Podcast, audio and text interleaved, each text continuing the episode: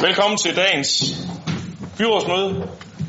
Vi er lige øh, knap fuldtallige. Øh, Anne-Marie Geisler er på vej fra København. Har lidt udfordringer med DSB, tror jeg, men øh, hun dukker forhåbentlig op, inden vi bliver færdige. Og så har vi øh, sag nummer 4, vil øh, mig, Andrea Andersen være inhabil. Ellers så tror jeg, at vi kan køre resten af dagens byrådsmøde igennem. Vi starter med en sang, som vi plejer, og det er Preben Rudengård, der har valgt sang nummer 97. Jeg elsker den brogede verden.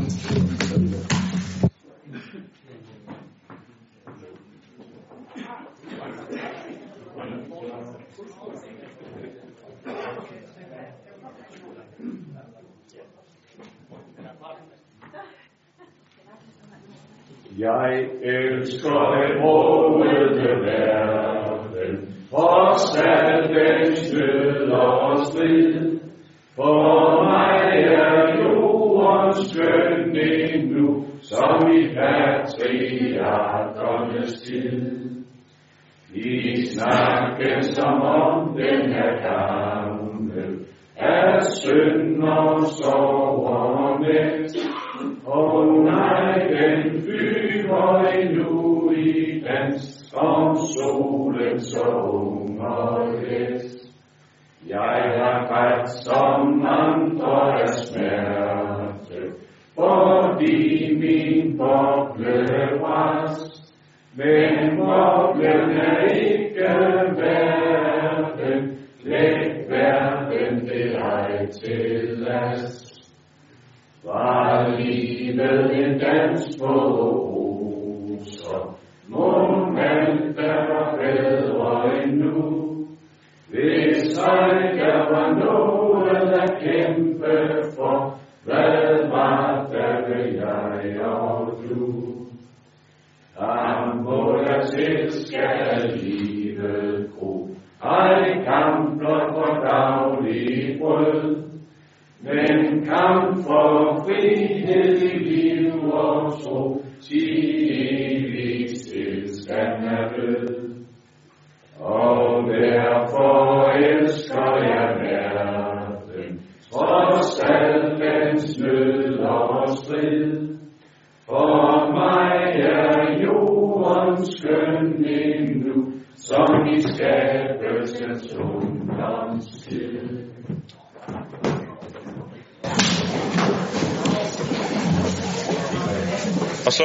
samtidig at blive fuldtallige, så det er jo rigtig fint. Vi er klar til at starte på dagens møde. Sag nummer 1 hedder godkendelse af dagsordenen. Der er ingen bemærkninger til, så den har vi hermed godkendt. Sag nummer 2 handler om, at vi har fået en ny kommunaldirektør, som sidder her ved siden af mig.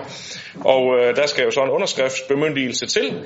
Øh, I forbindelse med Rikkes tiltrædelse som, tiltrædelse som kommunaldirektør den 1. juni indstilles der, at hun tildeles underskriftsbemyndigelse i forhold til dokumenter vedrørende køb og salg og andre dispositioner over for fast ejendom, optagelse af lån og påtagelse af garantiforpligtelser. Og det skal jeg høre, om der er nogle bemærkninger til. Det var der ikke. Det ville også være helt naturligt, at, eller det ville være unaturligt, hvis der var. Hun overtager sådan set uh, nøjagtigt de samme bemyndigelser, som Otto Jespersen han havde. Så velkommen til, Rikke. Tak. Vi går til sag nummer 3, som handler om valg af valgstyre og model for tilforordnet. I forbindelse med valg til Europaparlamentet, Europaparlamentet Folketinget, Byrådet, Regionsrådet samt folkeafstemninger skal der foretages valg af valgstyre formænd for valgstyre og tilforordnede vælgere til bistand for valgstyre, samt stemmemodtagere til brevstemmeafgivningen i visse boformer og eget hjem. Der er skitseret en øh, model for udpegning og anvendelse af valgstyre og tilforordnede, som tager højde for de ønsker, nogle partier er fremkommet med på baggrund af kommunalvalget 2017. Derudover er der udarbejdet en, model, en ny model for tildeling af diæter. Modellen vil gælde for hele den indeværende byrådsperiode. Jeg skal høre, om der er nogle bemærkninger til det. Det er der ikke. Så har vi også godkendt det. Og så skal vi allerede have mig til at forlade salen, så vi kan komme til sag nummer 4. Det handler nemlig om, øh, som det hedder, prøvelse af spørgsmål om lovligt forfald og stillingtagen til stedfortræderindkaldelse. Majbrit Andrea Andersen er forhindret i at varetage sit værv som byrådsmedlem på grund af barsel i perioden fra den 2. juli 2018 til den 5. november. Byrådet skal i den forbindelse godkende forfaldsgrunden og betingelsen for stedfortræder indkaldelse er opfyldt, samt godkende, at Peter Tørnqvist er den rette stedfortræder og er valgbar. Jeg skal høre, om der er nogle bemærkninger til det. Det er der ikke. Så er den dermed godkendt. Og vi kan få mig på det ind igen. Det var en, det var en kort bemærkning. Det var synd for dig, du fik ikke din overlov. Der var ikke nogen, der ringet dig op hen. Vi går til uh, sag nummer 5, som hedder borgerdrevne forslag. På baggrund af et tidligere forslag stillet på byrådsmødet den 5. februar om borgerdrevne forslag og efterfølgende drøftelse i økonomiudvalget, er der nu udarbejdet en mulig model for sådan et initiativ. Modellen tager udgangspunkt i, at øh, der skal være mulighed for kontrol via NemID, der skal være en let tilgængelighed via hjemmesiden, der skal være et rimeligt antal stillere svarende til et mandat, og der skal ske en evaluering efter to år. Og jeg kan så sige, da vi behandlede den her sag i økonomiudvalget i sidste uge, der stillede øh, Socialdemokratiet og SF forslag om, at det skulle være 1000 stillere, der skulle til et forslag. Øh, og det bortfaldt så, og et flertal stemte direktionsindstilling igennem. Så det er der, vi står nu. Og det vil Søren Heide Lambertsen så lige komme til lidt på. Værsgo, Søren. Yes.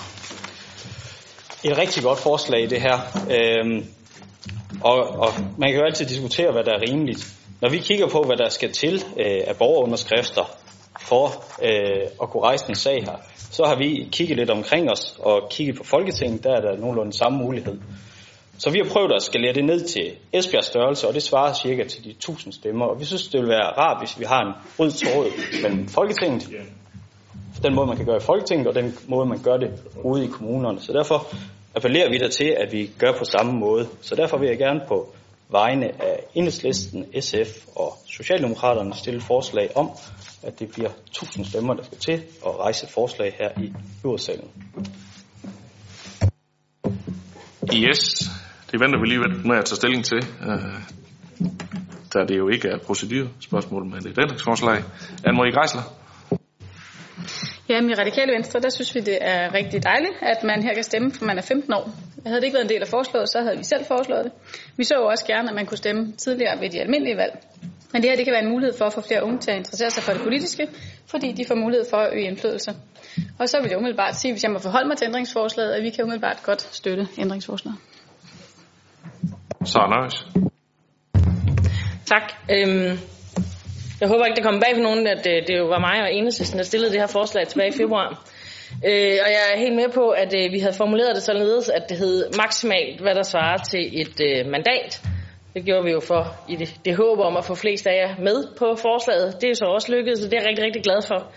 Og jeg synes, øh, der er lavet et godt stykke arbejde i forbindelse med, hvordan afstemningerne så skal foregå og sådan nogle ting. Jeg synes, det er ærgerligt, at vi skal helt op på omkring øh, 2.000 øh, stemmer øh, i forhold til, om et forslag så bliver stillet i byrådsalen eller ej. Jeg synes, det vil være mest nærliggende rent øh, demokratisk for borgerne, at de ikke skulle have øh, samme antal stemmer, som vi i gennemsnit i øvrigt skal have herinde for at sidde her. Men øh, jeg støtter selvfølgelig ændringsforslaget øh, og resten af forslaget i sin helhed også. Jakob Lose. Jamen først og fremmest så vil vi også fra, fra Venstres side sige, at øh, vi synes, der er fundet en, øh, et, øh, nogle, nogle regler, som der er rigtig fine i forhold til både den debat, som der var i byrådssalen her i starten af februar, og også efterfølgende i, i økonomiudvalget. Vi øh, sikrer os ved, at man bruger nem idé, at øh, folk jo rent faktisk bor i kommunen. Man har faktisk set rundt omkring i andre kommuner, at øh, jamen, jeg kan sådan set gå ind på, på andre kommuners hjemmeside og gå ind og oprette et, et borgerforslag. Øh, det er nok ikke øh, super hensigtsmæssigt. Det koster en lille smule penge, men den kontrol mener vi er, er godt givet ud. Og som andre også har været inde på, så er det jo faktisk også, synes jeg, en demokratisk styrkelse også, at allerede børn og unge fra 15 år, de, de kan komme ind og lave de her borgerdrevne forslag.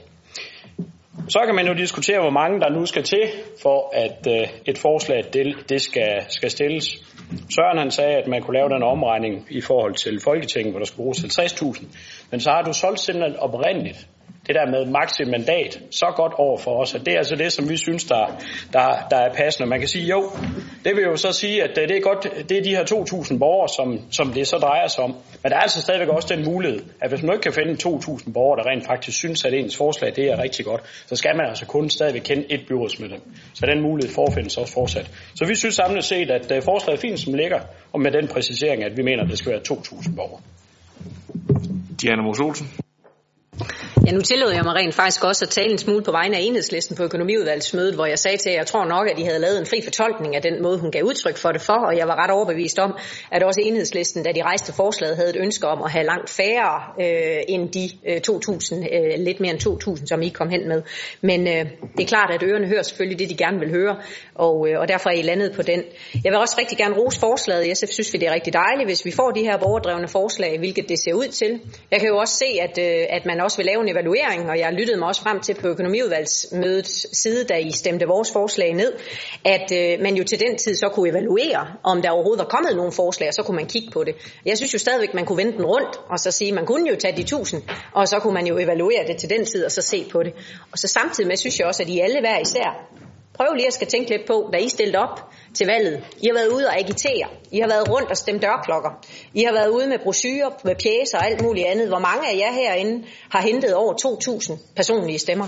Ikke særlig mange. Hvor mange af jer har hentet 1.000? Heller ikke særlig mange. Det kan godt være, at det er et forslag, som man skal søge, øh, hvad hedder det, at få opbakning til. Men det er stadigvæk med et nem idé. Det er stadigvæk nogen, der skal ind og agitere og skrive under på, at det her er noget, man vil. Og det er noget, man skal rent faktisk stå på mål for med sit eget navn i en valgurne eller en valgboks, der går man ind og er anonym, og alligevel kan vi ikke engang få så mange stemmer, eller de fleste i hvert fald kan ikke få så mange stemmer, så det tæller et helt mandat selv. Det synes jeg lige skulle overveje, og så tænke lidt over, om ikke I alligevel vil stemme for de tusind. Det var en helt valgtale. Så er det Hans K. Sønderby. I Dansk Folkepartis gruppe, der kan vi tilslutte os, det er økonomiudvalget udarbejdet forslag til behandling af borgerdrevne forslag, med den kritiske bemærkning, at det hver forslag, som optages på byrådets dagsorden, bør ledsages af mindst et notat fra en relevant forvaltning. Med borgerdrevne forslag er tilgangen til byrådsbehandling vendt på hovedet, og efter de foreslåede retningslinjer alene underkastet byrådssekretariatets øh, procedurmæssige gennemgang. Hvor en sag normalt har sin gang gennem fagforvaltningen til den besluttende organ, hvis ikke beslutningen er uddelegeret til forvaltningen selv, har borgerdrevne forslag sin indgang gennem det øverste besluttende organ, byrådet. Det rummer den risiko, at byrådet i sin iver efter at virke imødekommende også bliver sagsbehandler. I Dansk Folkeparti vil vi også gerne virke imødekommende over for kommunens borgere og deres ønsker, men det bør sikres, at det sker på et lovmedholdeligt og fagligt grundlag. Vi vil næppe opleve mange borgerdrevne forslag, og da det er borgmesteren, der styrer byrådets dagsorden, har han muligheden for at indhente relevante notater, som kan ledsage indkommende forslag. Hvad vi hermed skal opfordre borgmesteren til. Vi vil også i DF-gruppen efterspørge relevante faglige vurderinger i den udstrækning, vi bliver opmærksom på, at der er mangler. Med de bemærkninger, så øh, slutter vi op om en toårig forsøgsperiode. Søren Heine Amundsen. Det var bare til Jakob. Øh, øh, jeg ved ikke, om jeg forstod det, du jokede lidt med de her 2.000. Øh, vi synes sådan set, det, det er lidt bekymrende med det her forslag, for at lave sådan et storbyforslag, hvor vi siger, jamen det kan da godt være, at, at man kan finde 2.000 i, i Esbjerg og i Bramming og i Ribe. Men hvad med Stor Darm? Altså, hvad med alle vores små byer? Øh, at vi er ved at hætte dem af med det her forslag. Øh, det ærger mig lidt, at, at I kører med på den. Majbert. Hos det konservative Folkeparti, der øh, hilser vi de borgerdrevne forslag velkommen, og vi takker samtidig enhedslisten for at fremsætte et sådan forslag. Faktisk så øh, afspejler det jo meget godt øh, noget, vi selv var ude med før valgkampen. Så øh, derfor så er vi jo selv sagt øh, begejstrede for, at vi skal behandle det her punkt i byrådet i dag. For os konservative der er det rigtig vigtigt at signalere, men også at effektuere borgerinddragelse. Og personligt, der arbejder jeg rigtig meget øh, med det her som politiker til hverdag. Øh, og med det her forslag, der øh, får befolkningen nu forhåbentlig mulighed for at komme med punkter til behandling i byrådet, hvilket jo fra vores udgangspunkt er glædeligt. Samtidig mener, så mener jeg også, at vi har en forpligtelse til at sikre, at de forslag, der kommer ind, har en vis kvalitet. Øh, og derfor mener vi, at et forslag, der indbefatter 2.000 underskrifter, som for i øvrigt svarer til et mandat her i byrådet, at det er det rette lejde. Henrik Valle. Ja, jeg vil også bare meget kort sige, at fra borgerlistens side er vi med øh, på indstillingen i dag. Det er vores, også, vores opfattelse, at det er væsentligt, at det bakkes op af det antal stemmer, øh, der svarer til mandat i kommunen. Og så tror jeg, at det her det er vigtigt. Det er IT, øh, nem ID-baseret. Det skulle jo gerne udelukke, at der kunne foregå noget af det, der er nævnt af nogle andre her i dag. Så vi støtter indstillingen. Sara Ja, tak. Det var til dig, Hans K. I forhold til, at øh, forvaltningen skal udarbejde eventuelt sådan et eller andet notat allerede, inden vi behandler forslaget her i byrådssalen. Det synes jeg er voldsomt uhensigtsmæssigt, fordi hvis vi nu, uanset om det så er i fuld enighed eller ej, forkaster et forslag, så synes jeg, at det er åndssvagt, undskyld mig, at øh, vores forvaltning har brugt tid på det. Så jeg tænker, at øh, vi sammen tager en, en eller anden form for fælles beslutning, for eksempel ved så at sende et forslag ud til udvalgsbehandling efterfølgende. Jakob Lose. Ja, men det er egentlig lige en øh, kommentar til, øh, til Sørens kommentar, hvor han siger, at øh, hvis man nu går efter de der 2.000 stemmer, så er det at betragte som værende sådan lidt et storbyforslag. Hvis nu kigger på byrådssalens sammensætning her, så har vi rent faktisk også folk, som der kommer fra, fra små lokalsamfund, så det kan altså godt lade sig gøre også at, at tale sin sag. Men som jeg også sagde før, så skal man kun kende én politiker. Den regel gælder naturligvis fortsat, også efter man gør det her. Når vi siger, at øh, 2.000 det er et passende antal, så er det altså også fordi, at der må også gerne være sådan en vis befolkningsmæssig substans i, at et øh, forslag skal optages her i byrådet. For ellers er vi jo trods alt det folkevalgte organ, som der, der laver den, den daglige politiske behandling her i, i vores kommune.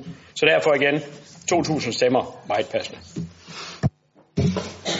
Jeg er ikke flere på listen, og det lader ikke til, at vi kan blive helt enige om, øh, om det ændringsforslag, der er stillet, men øh, derfor vil jeg nu alligevel øh, sætte det til afstemning, og så må vi så se, øh, hvad det fører til. Der er stillet ændringsforslag af S, SF og Enhedslisten, var det sådan, det var formuleret, om at det er 1000 stillere, der skal til, og det skal høre, hvem der kan stemme for det.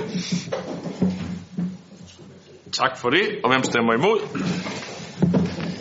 Det er hermed bortfaldet, og så er der sådan set uh, direktionens indstilling, som jeg hører, at alle taler for sig. Jeg tænker ikke, vi behøver mere gymnastik. Det er vi alle sammen enige om. Det er vi. Godt. Vi går videre til sag nummer 6, som handler om en godkendelse af Esbjerg Havns årsrapport for 2017. Esbjerg Havn har fremsendt øh, årsrapport for 2017 til byrådets godkendelse. Årsrapporten udviser et positivt resultat på 80,7 millioner, hvilket er et meget tilfredsstillende resultat.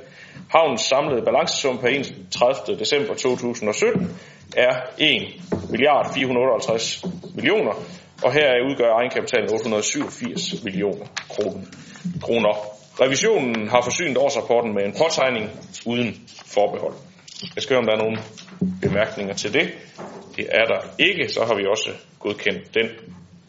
Vi når til sag nummer 7, som handler om en revidering af informationssikkerhedspolitikken 2018. Den 25. maj 2018 trådte nye fælles europæiske regler for databeskyttelse i kraft. Reglerne har stor betydning for kommunernes arbejde med persondata. I Esbjerg Kommune er vores arbejde med persondata blandt andet reguleret i vores overordnede informationssikkerhedspolitik, som revideres hver fjerde år og godkendes af byrådet. Den version af politikken, vi hermed sender til godkendelse, har skiftet navn, skiftet navn til overordnet informationssikkerhedspolitik. Det er nogle meget lange ord her. Det er for at sende et signal om, at, med, at det ikke har noget med, at informationssikkerhed ikke kun er noget, der vedrører digitalisering og IT, og har med teknik at gøre. Informationssikkerhed har i lige så høj grad indflydelse på arbejdsgange helt ud på det enkelte bosted, den enkelte institution, skole med videre. Politikken sætter den overordnede ramme for opretholdelse af informationssikkerhed i Esbjerg Kommune og har til formål at beskytte informationer og systemer uafhængig af, hvor disse findes, oparbejdes og drives.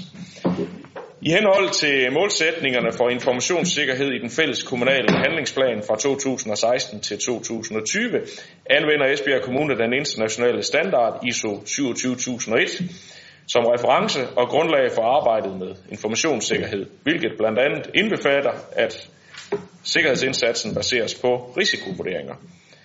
Digitalisering og IT har i arbejdet med revideringen af politikken fokuseret på, at den fortsat lever op til gældende lovgivning, baserer sig på good practice inden for informationssikkerhed, og at den giver værdi i kommunen.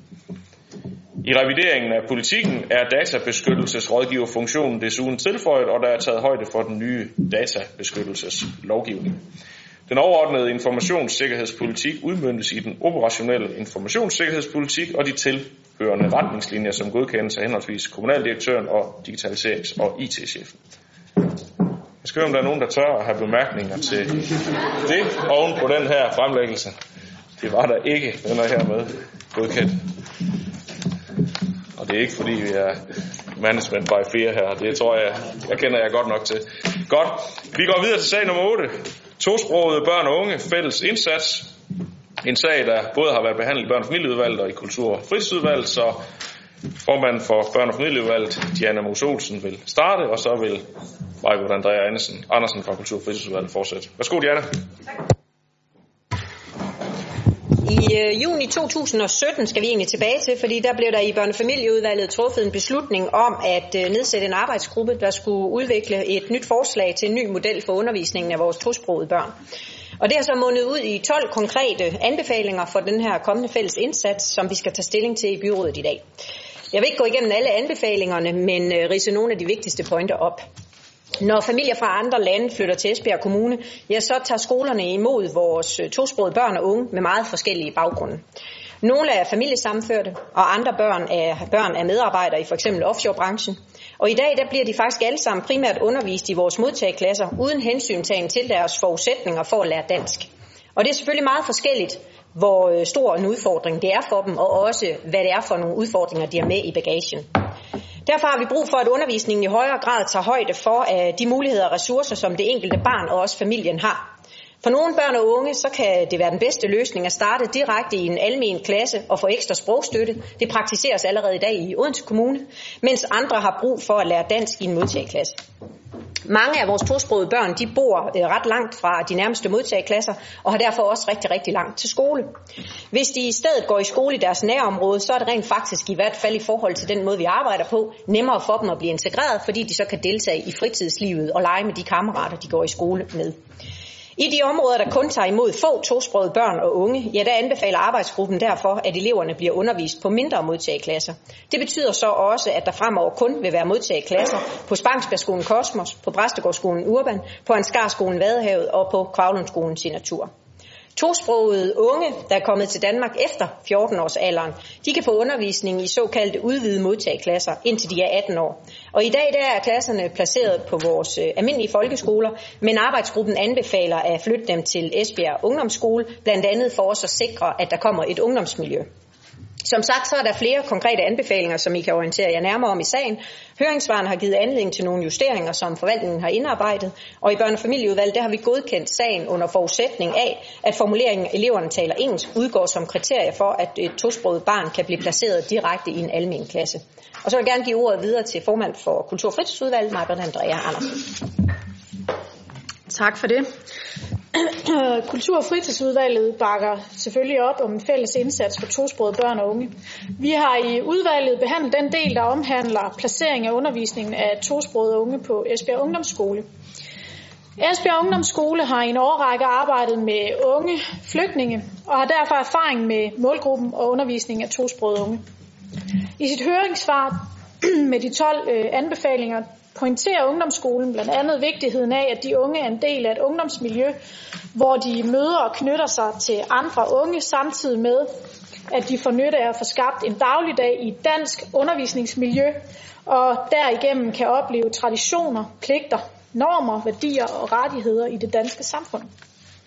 Et vellykket uddannelsesforløb handler nemlig ikke kun om den faglige undervisning, men om at tage hånd om den enkelte unge og de udfordringer, der kan opstå, når man skal finde sine ben i et nyt land. De unge skal lære på meget kort tid, og ungdomsskolen kan hjælpe dem til at styrke både deres faglige og personlige kompetencer. Det har de brug for, når de skal videre i uddannelsessystemet, og skabe et godt liv som borgere her i Danmark. Ungdomsskolen kan samtidig skabe sammenhæng mellem skole og fritid for de tosprogede unge, fordi ungdomsskolen via fritidsundervisningen har rammerne til at tilbyde aktiviteter, som passer til dem. Det sker i et miljø med de unge, de kender fra undervisningen, og derfor er trygge ved. På den baggrund synes vi i Kultur- og Fritidsudvalget, at det giver rigtig god mening at placere den udvidede modtageklasse på ungdomsskolen. Derfor så indstiller børne- og familieudvalget, kultur- og fritidsudvalget og økonomiudvalget til byrådet, at rapportens anbefalinger godkendes til implementering med de ændringer, at modtageklasserne på Kosmos-skolen placeres på Spangsbjergskolen Kosmos i stedet for på Bakkeskolen Kosmos, samt at det i rapporten uddybes, at der er en individuel vurdering, om et tosproget barn kan starte direkte i almen klasse.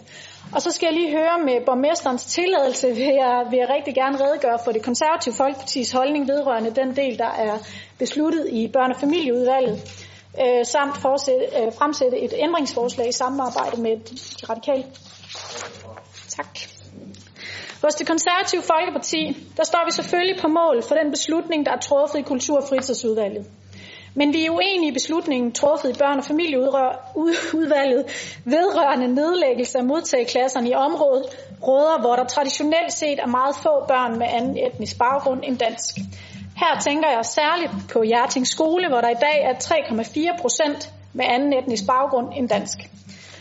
Jeg anser generelt Hjerting som et ressourcestærkt område, der er præget af ressourcestærke familier. Vi taler så meget om vigtigheden af, at vi både bor og lever blandet, senest med ghettoplanen for Christiansborg, som jo netop har dette formål. For at sikre en god øh, integration skal vi fra politisk hold sikre, at børn med anden etnisk baggrund end dansk kommer ud i miljøer, hvor de primært er sammen med etnisk danske børn. Derved får de en større mulighed for at spejle sig i danske værdier og normer og tilegne sig det danske sprog. Hvis vi vil integrationen, så må vi altså også lave de nødvendige brede tiltag. Det kræver langt mere end blot at bibeholde modtageklasserne. Det er jeg fuldt ud klar over. Men for mig er det et spørgsmål om at starte et sted. Fordi vi har en boligpolitik, der kunne trænge til, øh, til en ny og gentænkning, så er det øh, ikke ens betydende med, at vores skolepolitik den øh, absolut skal afspejles i den. Nu går vi som kommune den modsatte vej på skoleområdet og samler modtageklasserne i de skoledistrikter, hvor der i forvejen er flest tosprogede elever. I en fagartikel for VIVE, det Nationale Forsknings- og Analysecenter for Velfærd, der påpeger man, at når kvotienten på de enkelte skoler af børn med anden etnisk baggrund end dansk overstiger de 40 procent, så klarer eleverne sig dårligere i blandt andet læsetests, end elever, der går på skoler med færre end 10 procent tosprogede. Dertil kommer både høringssvar fra Integrationshuset og Kosmos-skolen, der har ytret bekymring for nedlæggelserne. Averskolen selv, som jo indbefatter Hjerting skole, har desuden ikke ytret ønske om at nedlægge modtageklasserne hos dem. Med baggrund i ovenstående kan det konservative Folkeparti ikke stemme for indstillingen, som den foreligger her. Efter drøftelser mellem de radikale og det konservative Folkeparti stiller de to partier hermed dette ændringsforslag til punktet vedrørende tosprogede børn og unge fælles indsats. Partierne foreslår, at rapporten godkendes dog med den ændring, at omorganisering af modtageklasserne udgår af beslutningsforslaget. Og jeg er sikker på, at Marie Geisler Andersen hun, øh, vil øh, uddybe det i debatten herefter. Tak for ordet. Ja, og inden hun kommer til det, så har Søren Heidt Lammers lige bedt om ordet også. Ja, I forhold til, til ændringsforslaget, øh, så synes jeg bare, det er, det er ærgerligt, at, at når vi så vil placere modtagerklasserne, sådan ligesom vi ikke går ned i børnehøjde, og så kigger på, det er sådan set nogle, nogle børn, vi vil flytte rundt for at tilfredsstille øh, et eller andet procentsats af, hvor mange indvandrerbørn eller andre børn, der skal være der. Øh, jeg synes nu, man skulle kigge på, hvad børnene eller dem, der skal være i modtagerklasserne, får mest ud af. Og det gør de altså ikke ved, at vi transporterer dem i bus øh, andre steder fra i byen, fordi de lige skal være i Hjerting. Så er det Musa. Ja, tak. Den omorganisering tager udgangspunkt i anbefalinger fra en nedsat arbejdsgruppe. Vores tilgang til den beslutning, vi skal træffe i dag, er at have fokus på, hvad det er først for de børn og unge. De børn har som alle andre behov for nærhed. også når, også når der kommer til skoletilbud. Derfor er det vigtigt for os, at modtagelsesklasser er placeret i det distrikt, hvor eleverne er bosiddende. Så børnene kan komme i modtagelsesklasse på distriktskolen. Socialdemokraterne støtter nærhedsprincippet. Det vil også være godt for andre tosprogede at komme på distriktsskolen, hvor de kan modtage undervisning sammen med de børn, som de bor nærmere til. Alle børn, der kommer uden tilstrækkelig dansk til at følge en almindelig klasse, skal have undervisning i basis dansk. Unge mellem 14 og 18 år nu skal undervises på ungdomsskolen. Her vil de tosprogede unge have et unge miljø at arbejde i. Og at de her får mulighed for at skabe netværk og venskaber på tværs af nationaliteter. Ungdomsskolen har desuden mange års erfaring gennem flere kulturelle forskole i at undervise unge med anden etnisk baggrund og understøtte dem i integrationsfasen. Det sidst, men ikke mindst, tak til arbejdsgruppen for deres indsats. Tak for ordet. Velbekomme. Så er det Anne-Marie Geisler. Tak. Det her forslag til reorganisering af indsatsen over for kommunens tosprogede elever, det indeholder en række gode tiltag. Blandt andet at indsatsen bliver mere fleksibel, da det eksempelvis bliver lettere at oprette mindre modtaghold. Og at tosprogede elever, der er klar til det, kan komme ud i et almindeligt tilbud. Så langt, så godt. Men desværre så indebærer det også, at vi nedlægger modtagerklasserne i de skoledistrikter, hvor der ingen eller kun meget få tosprogede elever er. Og set med radikale briller, så er det den helt forkerte vej at gå. Hvis vi vil en god integration, så er det altafgørende, at vi bor og vi lever blandet. Og det er da også en overordnet retning i alt, hvad der for tiden kommer fra Christiansborg, senest med ghettoplanen. For os, der er det væsentligste argument, hvilket tilbud vi kan, hvilket, øh, tilbud vi kan tilbyde de børn, som går i en modtagerklasse. Og derfor der er vi også rigtig ærgerlige over, at vi ikke ser på kvaliteten i tilbudene, før vi nedlægger eller opretter nye modtagerklasser. For hvilket fundament har man for at lære det danske sprog, samt at møde den danske kultur på en skole med mange, kontra en skole med kun få elever med dansk etnisk baggrund? Men ikke der er et andet også bedre fundament for at lære det danske sprog på en skole med flere etnisk danske elever. Ligesom man også her bedre vil kunne tilbyde dansk kulturmøde. Sidstnævnte, det var jo netop baggrund for, så vidt jeg husker, at Bakkeskolen ikke ønskede en modtageklasse hos dem, øh, på grund af den høje andel af tosprogede elever. Bakkeskolen friholder vi så, selvom det egentlig ikke var arbejdsgruppens indstilling, og det er også fornuftigt i vores øjne. Men til gengæld så opretholder og bibeholder vi modtageklasser på en række skoler med en høj andel af tosproget. Det gælder blandt andet Kvavlund, hvor andelen af tosproget meget bekendt, øh, endda er stødt stigende. Jeg mener, at det 15 procent, den er steget med de seneste par år, så vidt jeg kunne se. Og det selvom en række høringssvar faktisk fraråder, at man placerer en modtageklasse på Danmarks skole, netop på grund af den stigende andel af tosproget. Det primære fokus, det må nu engang være at sikre de tosprogede elever de bedst mulige forudsætninger for at blive en del af det danske samfund. Og læser man vidensnotater fra blandt andet Undervisningsministeriet, så synes det altså for mig svært at komme udenom, at der i forhold til tilegnelse af et andet sprog er væsentligt, at man kommer i et stimulerende miljø med gode muligheder for at bruge sproget. Når det så er sagt, så er vi i radikale også kede af, at vi mister modtagerklasserne i de områder, hvor der bor meget få eller ingen tosprogede. For hvis vi som mennesker skal fungere sammen på tværs af skæld, så kræver det altså, at vi lærer hinanden at kende. Vi lever og bor sammen.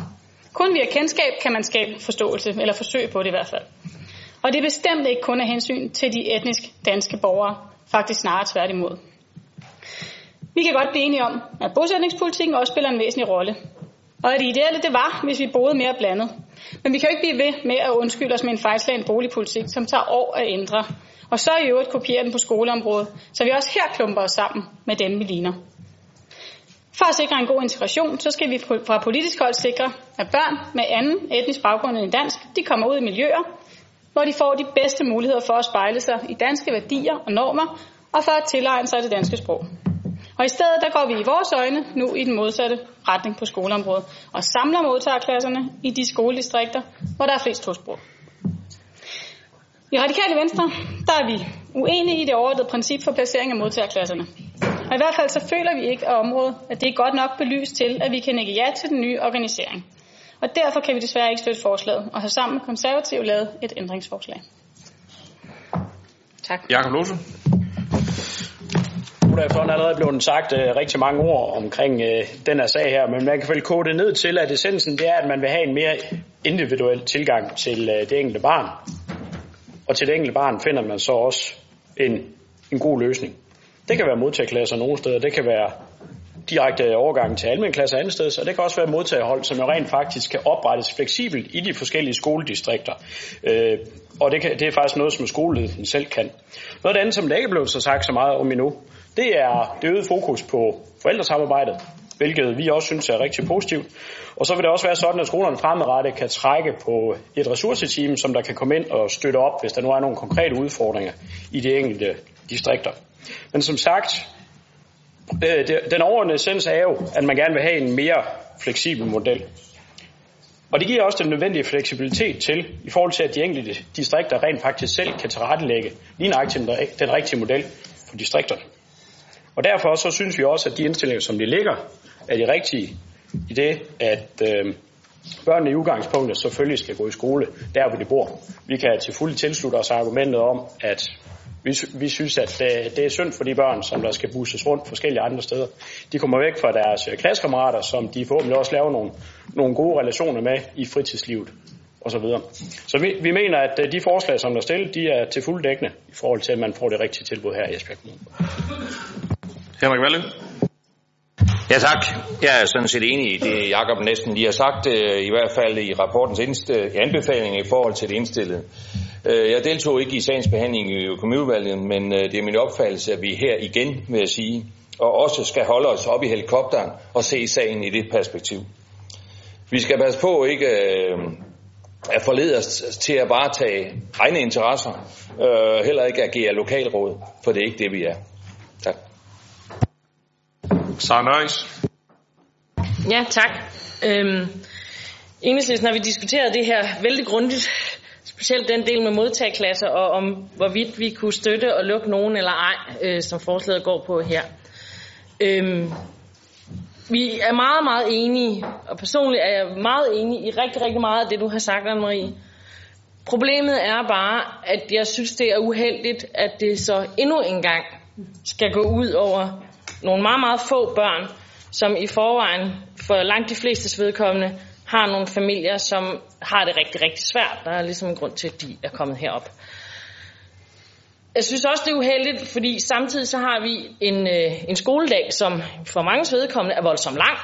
Hvis du så skal afsted en halv time, tre kvarter, en time før end normalt, fordi du skal fragtes til den anden ende af byen i en bus sammen med 7, 8, 10 andre mennesker, så, øh, så efterlader det i hvert fald ikke meget øh, kreativitet øh, op, op i hovedet, når man kommer hjem igen. Den kreativitet, som så skulle bruges til at blive kammerater med dem længere ned ad vejen eller i blokken ved siden af, det, det, det har jeg svært ved at forestille mig, at de magter. Jeg vil selv have svært ved det selv den dag i dag, som voksen menneske i hvert fald. Så jeg synes, det er ærgerligt, at vi lader vores lidt dårlige samvittighed over den måde, vores netop boligpolitik er på, desværre, at vi lader det gå ud over en meget, meget lille gruppe af voldsomt sårbare børn og familier. Så derfor støtter jeg øh, forslaget, som det ligger. Diana, så får du lov til at sige noget, du har siddet og utålmodig i lang tid. Værsgo. Nej, jeg har ikke været utålmodig. Jeg synes bare, der var så mange, der skulle sige noget. Nej, øh, jeg vil sige noget af det, Sara lige har givet udtryk for, er 100% enig i, fordi det er sådan set også lidt min bekymring.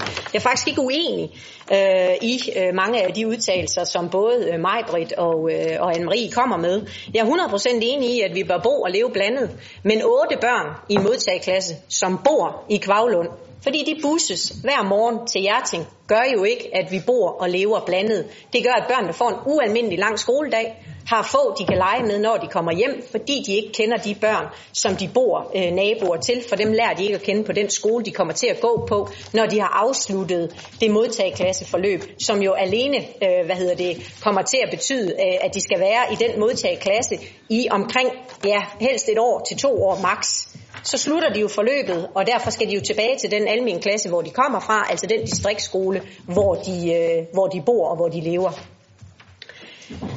Jeg er heller ikke enig i jeres argumenter om, at, øh, at vi nu nedlægger vores modtageklasser. Det gør vi faktisk ikke.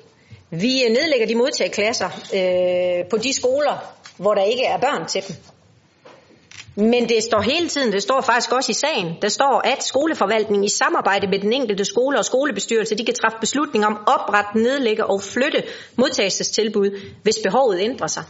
Så når det er sådan, at vi forhåbentlig lige om lidt træffer beslutning om, at vi skal bo mere blandet, også i Hjerting, jamen når der så flytter folk derud, som også kan få en lejlighed, og måske er nogle af de flygtninge, vi ser i dag primært øh, er samlet i Østerbyen, jamen så kan man til enhver tid oprette modtageklasser.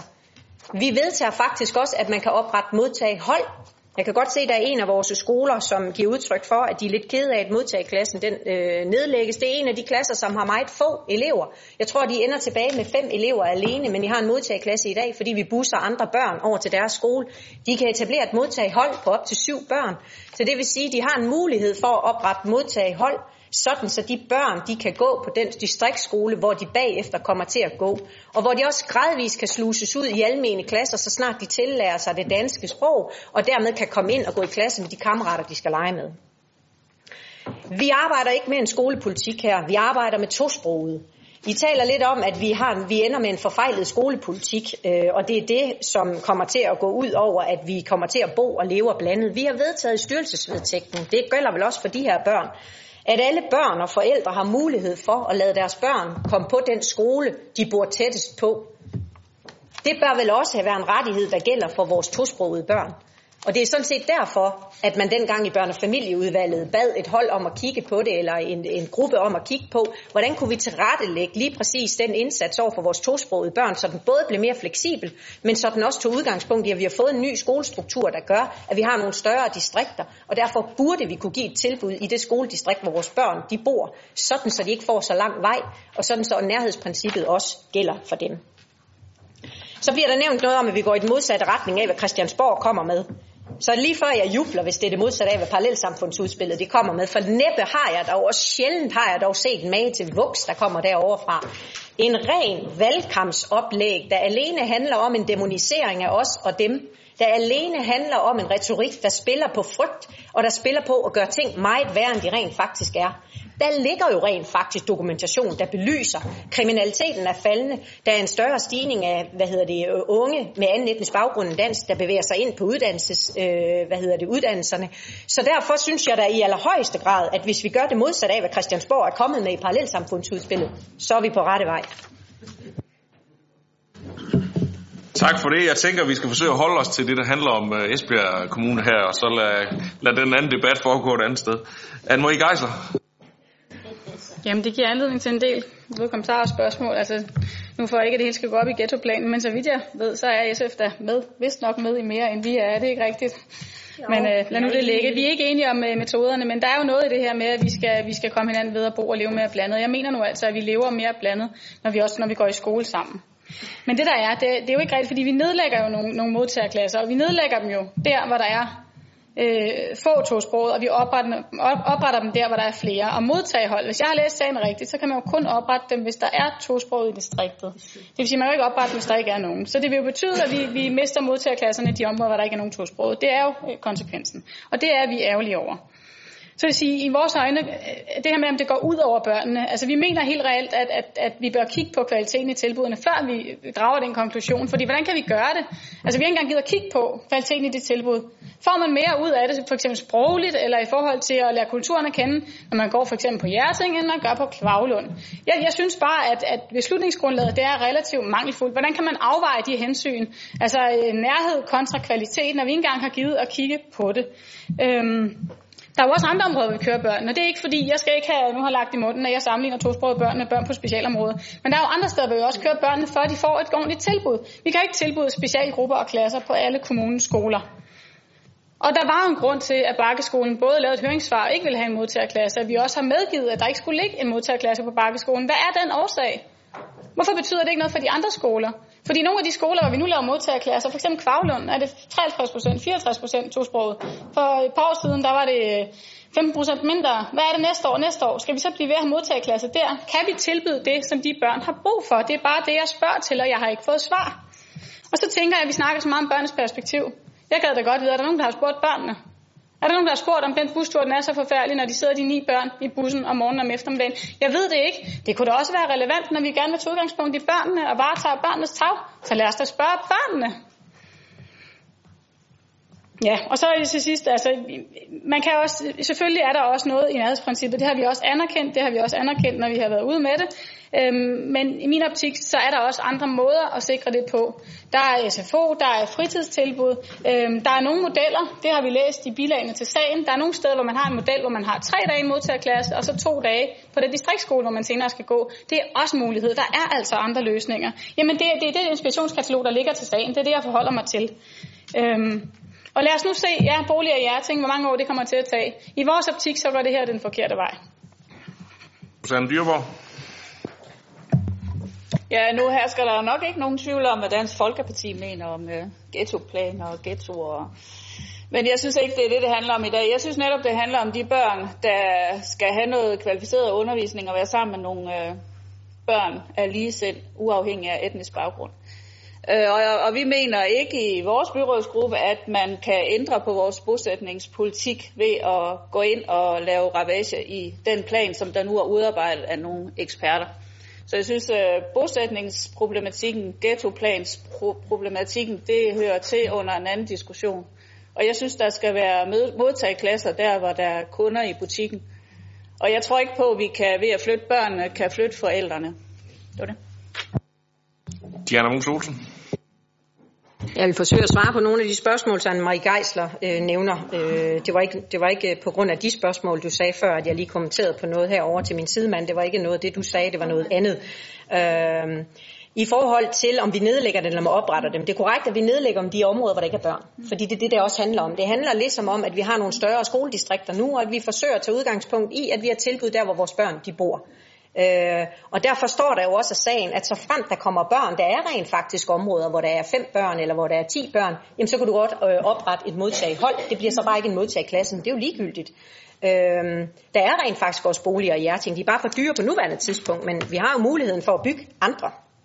Du taler kvalitet, om vi har været inde og kigge på kvaliteten. Jamen oplægget handler jo netop om at sikre, at der bliver en større grad af kvalitet for alle vores børn. Fordi den måde, man har undervist på i dag, og den måde, man har screenet børnene på, har primært haft fokus på sproget, og ikke så meget på de ressourcer, de kommer med, og den baggrund, de kommer med. Så man vil jo netop gå ind og kigge på kvaliteten i undervisningen fremover. Vi er ikke gå ind og benchmarke de enkelte klasser med hinanden. Det har vi ikke, fordi børn er forskellige. Det vil sige, du kan ikke tage en modtageklasse i Hjerting med eksempelvis otte syriske flygtninge, kontra en modtageklasse, hvis det er det, der er. Jeg ved ikke præcis, hvad det er for børn, der er der, så det vil jeg ikke udtale mig om på den måde, men det var et eksempel. Med øh, 20 børn på en anden skole, for børnene er forskellige, og deres forudsætninger er forskellige. Det er jo det hele det her, det handler om. Så du kan ikke sammenligne dem, for det vil være at sammenligne pære, bananer, æbler og appelsiner. Fordi børnenes forudsætninger for at modtage undervisning i modtageklasserne er forskellige, fordi de kommer fra forskelligt et udgangspunkt. Nogle kommer fra krig og krigstraumer, andre børn kommer hertil, fordi deres forældre har fået arbejde og kommet ind på Sydvestjysk sygehus som læger. Dem har vi i samme klasser og underviser på samme måde. Det er sådan set det, vi havde et ønske om at gøre anderledes, så vi højner kvaliteten og sikrer, at vi får kigget på de børn og kigger på barnets udgangspunkt og barnets tag. Du nævner specialgrupperne og specialklasserne. Jamen, så er jeg da ked af at fortælle dig, at lige om lidt, øh, der kommer der en sag yderligere, som også det gamle børne- og familieudvalg sat i gang, som netop handler om, at vi også på specialklasserækkerne mener, at vi har så store skoledistrikter, at også her skal nærhedsprincippet øh, gøre sig gældende. Så der vil komme et oplæg lige om lidt i det nye børne- og familieudvalg, som tager samme udgangspunkt, fordi vi mener, at børn uanset hvad de nu har af forskellige artede udfordringer eller problemstillinger, eller kommer med anden etnisk baggrund end dansk, jamen så har vi et nærhedsprincip, som vi skal forsøge at hylde. De eneste, vi ikke er inde og kigge på, det er, det er vores centertilbud, vores centerklasser, fordi der er det simpelthen for, øh, hvad hedder det, det vil, det vil simpelthen blive for, for stor en opgave, hvis vi skal løfte det ude i de enkelte distrikter. Men alle de opgaver, vi overhovedet kan løse inden for distrikterne med udgangspunkt i nærhedsprincippet, det gør vi, og det gør vi også med den her målgruppe. Når Bakkeskolen har valgt øh, at, at skifte fokus, så er det fordi skolebestyrelsen valgte det, fordi vi i børne- og familieudvalget spurgte dem, om ikke godt de ville overveje, om en af de andre distriktsskoler kunne løfte opgaven, så det stadigvæk er inden for distriktet. Det flyttes jo ikke ud af distriktet, det flyttes til Spangsbjergskolen, som også er Kosmoskoles distrikt. Det samme spurgte vi om i de to andre distrikter, netop for Præstegårdsskolen og Kvavlundskolen. Der bad vi dem om at forholde sig til, om ikke man kunne lægge modtageklasserne andre steder, men inde i skoledistriktet, så vi sikrer nærhedsprincippet. Det ønskede de ikke på daværende tidspunkt. Vi kan prøve at vende bolden om og så sige, hvis vi ønsker, at vores børn skal gå blandet, så kunne vi i stedet for at lade børn, der i forvejen er udfordret, få en lang skoledag, jo også vælge at flytte halvdelen af børnene, de danske børn, fra Hjerting af, og køre dem til Bakkeskolen, så kunne man måske få en mere ligelig fordeling. Det tror jeg ikke, de forældre vil ønske. Der er ikke nogen forældre, der ønsker, at deres børn skal busses rundt. Men dybest set kunne man lige så godt lave det med omvendt fortegn. Hvorfor er det, at det skal være øh, vores børn med anden etnisk baggrund dansk, som er tosproget, som kommer hertil og ikke kan, har danske forudsætninger, som skal busses. Hvis vi vil mangfoldigheden, så burde man måske gøre det på en anden måde. Så er det mig, Ja, nu er der jo flere, der uh, taler om børnenes perspektiv her, blandt andet Søren Heide Lambertsen og Diana Muse Olsen. Uh, og som jeg kan desuden tilslutte mig fuldt og helt det, Anne-Marie sagde tidligere. Hvornår har vi spurgt børnene? Altså, vi taler også om forældreperspektiv og forældresamarbejde. Jeg tror, det var Jakob Lose, der sagde det. At, at det giver en øget mulighed for det. Men har man spurgt børnene, er det så forfærdeligt for dem, det her? Og Diana, til dig, du siger, og du bliver ved med at sige, at der kan oprettes modtagehold. Ja, men kan man så ikke også vælge at lade være? Vi er ved at nærme os de korte bemærkninger på den her sag. Jeg tror ikke, vi når til fuldstændig enighed, det må jeg bare sige. Men Anne-Marie, du har bedt om ordet. Værsgo. Ja, Øhm, jeg er fuldstændig enig i og forstående for, at børn er forskellige, og der skal der selvfølgelig tages højde for. Man skal jo øh, se på de børn, før man giver dem et tilbud. Det er jo også det, der ligger i hele det her øh, forslag, at det i højere grad, som Jakob siger, øh, tager højde ved udgangspunkt i den enkelte. Det er jo rigtig, rigtig positivt. Men nu ved jeg ikke, jeg tror ikke, jeg behøver at læse en hel masse citater op. Jeg har adskillige for undervisningsministeriet, fordi uanset hvem man er, så har man altså bedre forudsætninger for blandt andet at tilegne sig det danske sprog, hvis man er i et miljø, hvor man bliver stimuleret og motiveret til at bruge det. Og vi har også nogle høringssvar til den her sag, der siger, at der udvikles parallelsprog de steder, hvor man ikke har de muligheder. Jeg er heller ikke enig, fordi hvis tilbuddet er godt nok, så tror jeg faktisk godt, at der også er etnisk danske forældre, der gerne vil have deres børn køre rundt, om det så er efter en tonet linje, en skovbørnehave, en profilskole eller hvad det nu er. Så heller ikke der er vi helt enige, men, men, men, men okay. Fordi i vores optik, hvis vi kan tilbyde lige så godt tilbud i nærområdet, så er det rigtig, rigtig fint.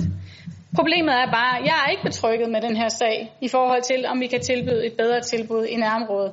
Jeg ved stadig ikke, hvad kvaliteten er i de tilbud, vi har.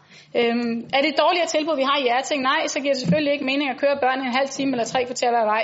Er det langt bedre, så kunne det være, at det var et hensyn, der var værd at tage. Og det er noget af det, jeg synes, jeg er lidt ked af, der mangler i den her gruppe. For jeg anerkender arbejdsgruppens øh, store arbejde. Der er rigtig mange gode ting i det. Men lige i forhold til det her punkt, der synes jeg, jeg mangler helt personligt belæg for og grundlag for, hvorfor man anbefaler, hvad, man får ud af nærhedsprincippet kontra at kigge på kvaliteten. Og det synes jeg ikke fremgår. Så Nøjes. Ja, jeg skal nok gøre det ganske kort. Det var lige i forhold til det, du siger, Anne-Marie, i forhold til det, at der er et høringssvar, der blandt andet siger noget om, øh, at der bliver udviklet parallel øh, sprog. Det høringssvar har jeg også godt læst. Det er 1 ud af 30, der har sagt det. Alle de andre stort set siger, at øh, de hellere vil have en tolærerordning. Diana Mos Olsen.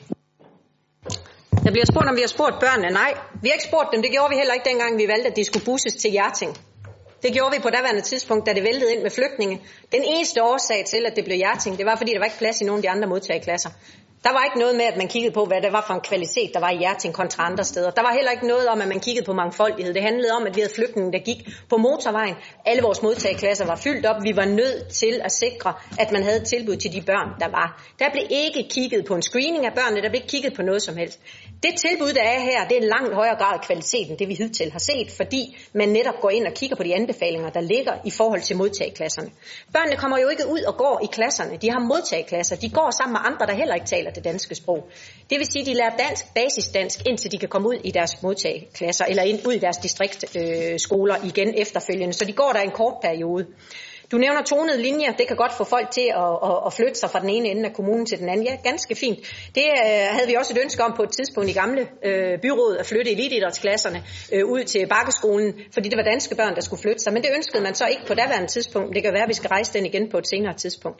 For ja, man vil gerne rykke sig, når det er sådan, at børnene er lidt større, og der også er ressourcer. Men det her, der taler om helt nye øh, børn øh, og familier, der kommer til vores kommune. Rigtig mange af dem har ikke ressourcerne til at flytte sig på samme måde, som øh, du eksempelvis kan have, eller jeg kan have i forhold til mine børn. Det er noget helt andet, det handler om det her. Og det er en kortere periode, man går i en modtageklasse, indtil man bliver sluset ud i ens egen klasser. Det skal vi lige huske. Vi kommer langt ned i detaljerne her. Man skulle næsten ikke tro, at I havde haft en behandling i børn- og familieudvalget. Øh, for jeg kan jo høre mange af jer, der går ind i debatten her. I har rent faktisk øh, nok haft chancen en gang før til at komme med alle de argumenter her. Der blev I heller ikke enige, og det tror jeg heller ikke, I gør i dag. Du er den sidste, der markerer, Anne-Marie, og så får du lige, hvis du kan gøre det kort, lov til at supplere. Jeg tænker bare, altså, selvom vi ikke dengang kiggede på kvaliteten, så, så kan vi jo godt gøre det nu. Og det er simpelthen ikke rigtigt, at børnene ikke kommer ud, hvis det er det, jeg hører, at blandt de etnisk danske børn, jeg kommer selv ud fra Hjerting, det er det ene sted. Jeg synes ikke kun, det skal være Hjerting. Jeg fortaler for, at vi principielt laver en anden organisering. Men de kommer altså ud, og de har fag sammen, og de leger sammen, og børnene kommer hjem og fortæller om, at de har leget med Mohammed og Mustafa og alle de andre. Og de bliver faktisk taget rigtig godt imod. Øhm, og i forhold til de tonede linjer, så drøftede vi også for nylig i udvalget, og man kan lægge en tonet linje og tiltrække flere til, til Østerbyen, til Bakkeskolen, øh, til andre skoler derude, og det er vi også i Radikale Venstre øh, store tilhængere af. Så, så, så den skal jeg bare lige, øh, den vil jeg ikke have på mig, at vi ikke går ind for det. Og så bare til sidst, nu fremhæver jeg et høringssvar, jeg kan jo ikke redegøre for dem alle sammen, men bare to andre. På Kosmoskolen, der siger man, at man foretrækker en model med fokus på modtageevne frem for geografisk nærhed, samt fokus på elevernes udbytte af undervisningen, og at skoler med høj socioøkonomisk indeks, øh, de bør være første valg i forhold til modtageklasse. Integrationshuset. Nyankomne flygtninge bør placeres på skoler med få tosproget. Ja, så skal jeg nok til. Nu rejser jeg mig op, inden der er flere, der markerer. Vi har øh, haft en lang debat. Der er øh, rejst et ændringsforslag fra konservative og radikale venstre, som foreslår, at rapporten godkendes med den ændring, at omorganiseringen af modtageklasserne udgår af beslutningsgrundlag. Så det vil jeg starte med at høre, hvem der kan stemme for det. Tak for det. Hvem stemmer imod? Tak. Og så kan vi så sætte, øh, er vi faktisk nødt til, sådan er det ikke rigtigt, at sætte, øh, sætte øh, den beslutning til afstemning, som økonomiudvalget godkendte i mandags. Hvem kan stemme for den? Yes, og hvem stemmer imod? Tak for det. Så er sagen hermed godkendt. Vi går videre til øh, sag nummer 9, som handler om øh, Esbjerg Løsbødehavn, tillægsbevilling anlæg. Det er øh, en sag, der også skal forelægges af to udvalg, så vidt jeg er informeret. Det er Kulturfritidsudvalget og Teknik- og byggeudvalget, så det er mig, André Andersen, der starter, og så tager Søren Heide Lambersen over. Værsgo, Marvitt. Tak for det. Esbjerg Strand-projektet har været i proces i rigtig lang tid, og i maj 2017 der satte byrådet penge af til byggemodning af blandt andet en ny Esbjerg Lystbådhavn. Sejlklubben Esbjerg Søsport og andre maritime foreninger bliver brugere af den nye lystbådhavn og også området omkring havnen og det maritime center, som senere bliver opført på Esbjerg Strand. Projektet har derfor stor betydning for de maritime foreninger, og i Kultur- og fritidsudvalget har vi derfor også en særlig interesse i den her sag. Søsporten er i den situation, at foreningen er blevet opsagt for sin nuværende placering i andet bassin på Esbjerg Havn. Havnen har nemlig en gammel aftale med kommunen og staten om at øh, oprense bunden, blandt andet i øh, andet bassin, Seneste udgang af 2018. Søsporten er derfor presset til at flytte til efteråret, og det er væsentligt, at den nye lystbådehavn er klar til den tid. Den nuværende lystbådehavn er ejet og drevet af Esbjerg Søsport, og foreningen vil også gerne bidrage til, at den nye øh, lystbådehavn bliver øh, levende og attraktiv for foreninger, gæster og byens borgere. Esbjerg Søsport er en forholdsvis lille forening, og det er vigtigt for foreningen at have opgaver på Lystbådehavn i dagligdagen, fordi det er med til at sikre engagement blandt medlemmerne. I Kultur- og fritidsudvalget ligger det også meget på sinde, at der bliver lagt en fornuftig tidsplan, og at søsporten bliver taget med på råd, på råd i det videre forløb. Kultur- og fritidsudvalget anbefaler, at kommunen sørger for de nødvendige anlægsinvesteringer i Løsbådhavn, og at søsporten bliver inddraget i det daglige øh, i form af en driftsaftale. Formanden for Teknik- og Byggeudvalget, Søren Heide Lambertsen, vil nu fortælle lidt mere om anlægsprojektet. Tak. Yes. Tak for ordet. Som formand, øh, formanden for Kultur- og fritidsudvalget fortæller, er der etableret etableringen af Løsbødhavn en del af Esbjerg Strandprojektet.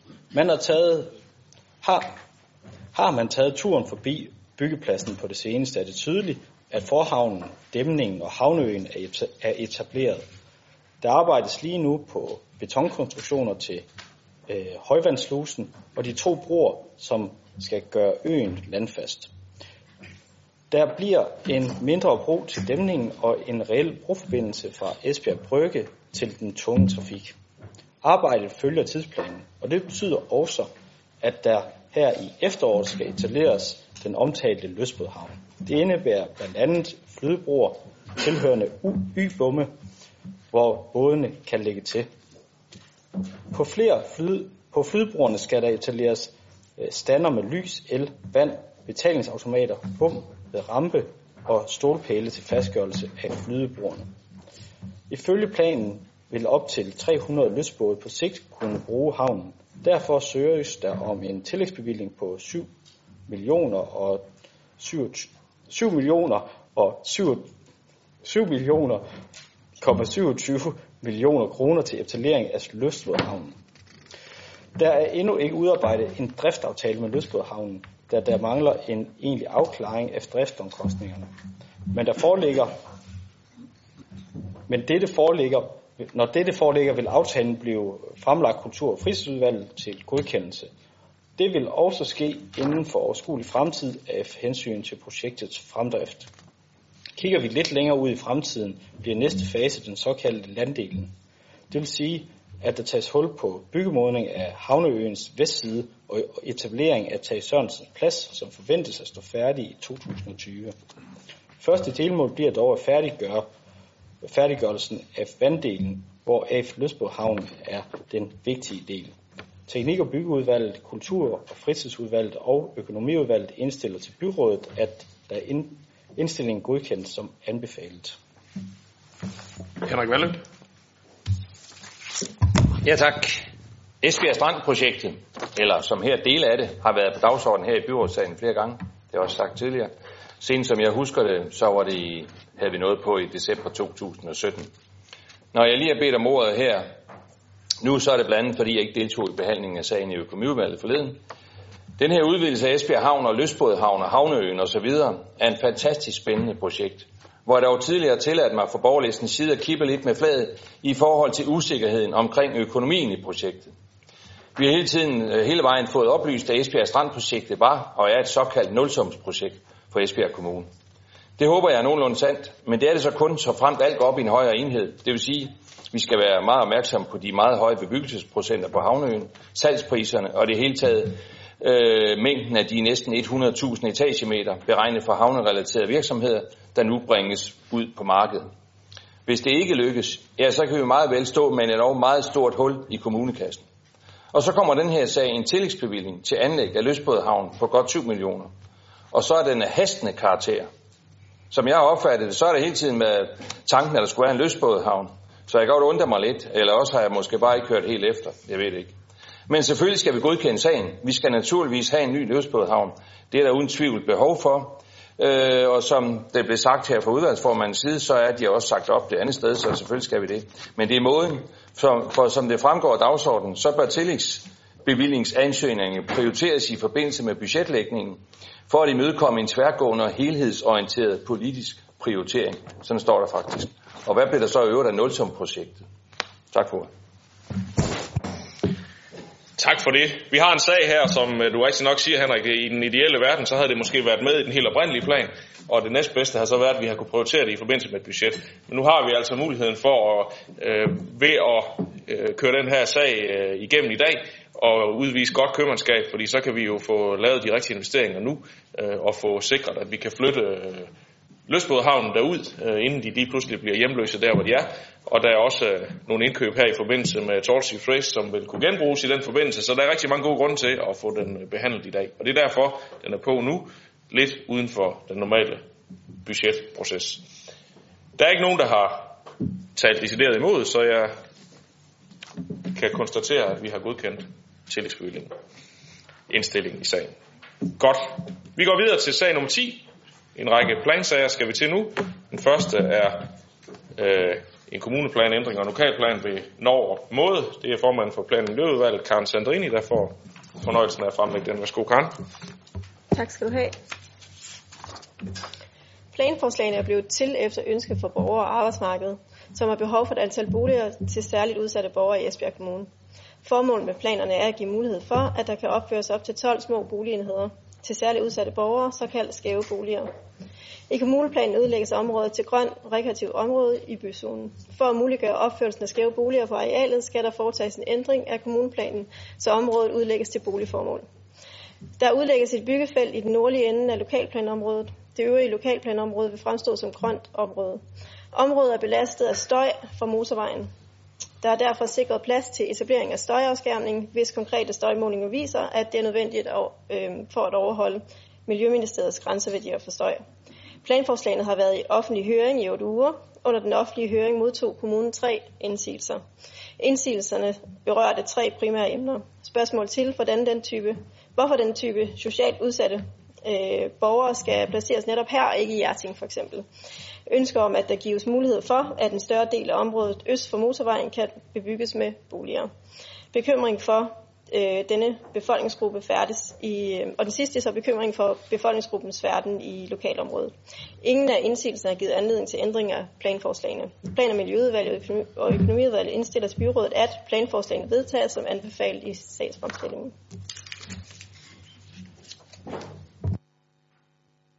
Det er der ikke nogen, der har bemærkninger til, så den har vi hermed godkendt. Så når vi til sag nummer 11, en, også en kommuneplanændring og en lokalplan vedrørende et stort boligvarehus. Det er jo spændende, hvad det er for det. Så en sag, som vi har drøftet en hel del, men nu er plansagen så her i byrådet, så du får den igen, Karen Hurt. Ja, det er svært at gætte, hvad det er for en, øh, en boligsag. IKEA ønsker at etablere et stort hus i Esbjerg. I den forbindelse er der lavet forslag til øh, miljøkonsekvensrapport, kommuneplanændring og lokalplan for et område ved Kjærsing Ringvej.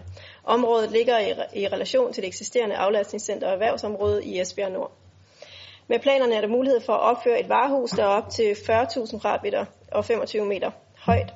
IKEA kan desuden placere en pylon på 35 meter ud mod Kjærsing Ringvej og sætte digitale skilte på bygningen. Miljøkonsekvensrapporten belyser varehusets betydning for detailhandlen og trafikken i området. Her fremgår det, at varehuset vil tiltrække kunder fra, stort, fra et stort opland og dermed øge den samlede detailhandelsomsætning i Esbjerg. Varehuset vil tiltrække opsætning, øh, omsætning fra eksisterende butikker både i Esbjerg og Esbjergs omland, opland. Det kan medføre enkelte lukningstruede øh, butikker. Varehuset vil skabe mere trafik, hvilket infrastrukturen overordnet set godt kunne håndtere. Øhm, afviklingsproblemerne i krydsene ved City Nord og rundkørslen Kjærsing Ringvej, Storbæltsvej vil dog stige. Der foreslås i rapporten forskellige tiltag, der kan afhjælpe fremtidige kø- kødannelser. Projektet markerer Esbjergs position som regionens storby og vil tiltrække flere besøgende til byen. Projektet har derfor stor betydning for Esbjergs øh, aktivitet og byliv. Plan- og Miljøudvalget og Økonomiudvalget indstiller byrådet, at planforslagene godkendes og med henblik på offentlig høring. Og det er der heller ikke nogen, der har bedt om ord til. Det er jo en øh, fantastisk gevinst, vil det blive, hvis øh, vi ender med at kan få etableret et IKEA-varehus i Esbjerg. Så øh, nu sender vi sagen i høring, og så ser vi, hvad der kommer af bemærkninger, og så får vi den jo se en gang til. Godt, vi når til sag nummer 12. En, øh, endnu en kommuneplanændring. Kontorerhverv og boliger i Hjerne. Det er også en sag for plan og miljø. Du får ordet igen, Karen. Værsgo. Tak for det. De skolebygninger, som tidligere rummede Hjerne Skole og Esbjerg Seminarium, blev for nogle år siden solgt og er siden blevet brugt til forskellige kontorerhverv. Øh, Ejernes fremtidige muligheder for at udnytte bygningerne bliver dog begrænset af, at arealet er udlagt til offentlige formål. Derfor øh, er der i tæt samarbejde med ejeren blevet udarbejdet et forslag til kommuneplanændring, der giver mange muligheder i, øh, i området. Mens det vestlige placerede areal ved Jern Kirke ønskes bevaret som grønt område, foreslår, foreslås det grønne skolemiljø omkring den gamle jernskole udlagt til boligområdet. Den største og resterende del af området foreslået udlagt til lettere erhverv med mulighed for etablering af kontorerhverv, liberal erhverv og fritidskulturelle øh, tilbud. Der kom ingen bemærkninger til forslaget, da det var i idéhøringen. Plan- og Miljøudvalg og Økonomiudvalg indstiller til byrådet, at forslaget sendes i offentlig høring. Det er der heller ikke nogen, der har bemærkninger til, så det er det, vi gør. Så når vi til sag nummer 13.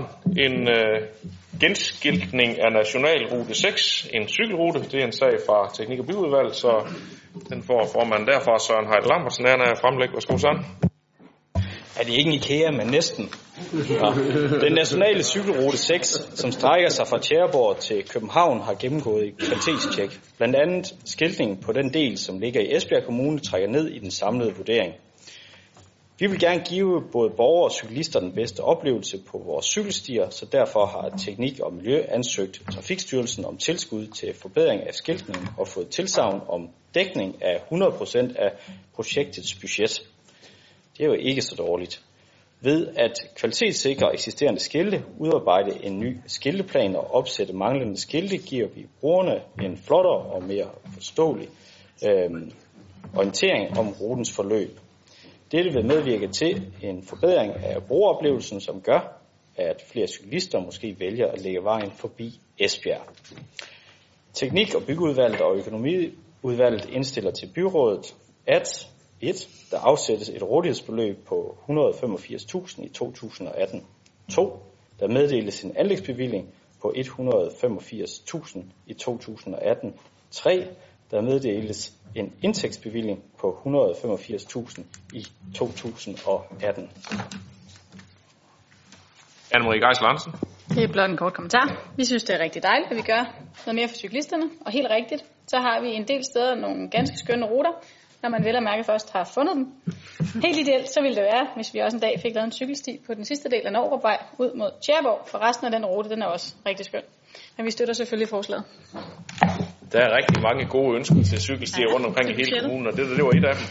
Øh, men det er så ikke lige det, vi behandler her. Det er sådan set en sag, hvor vi skal sige ja tak til at få 100% tilskud, og det er altid godt øh, til skiltning af den her nationale rute. Det er der ikke nogen, der taler imod, så det har vi hermed godkendt. Og det var faktisk afslutningen på den åbne del af mødet, så tak fordi I kom.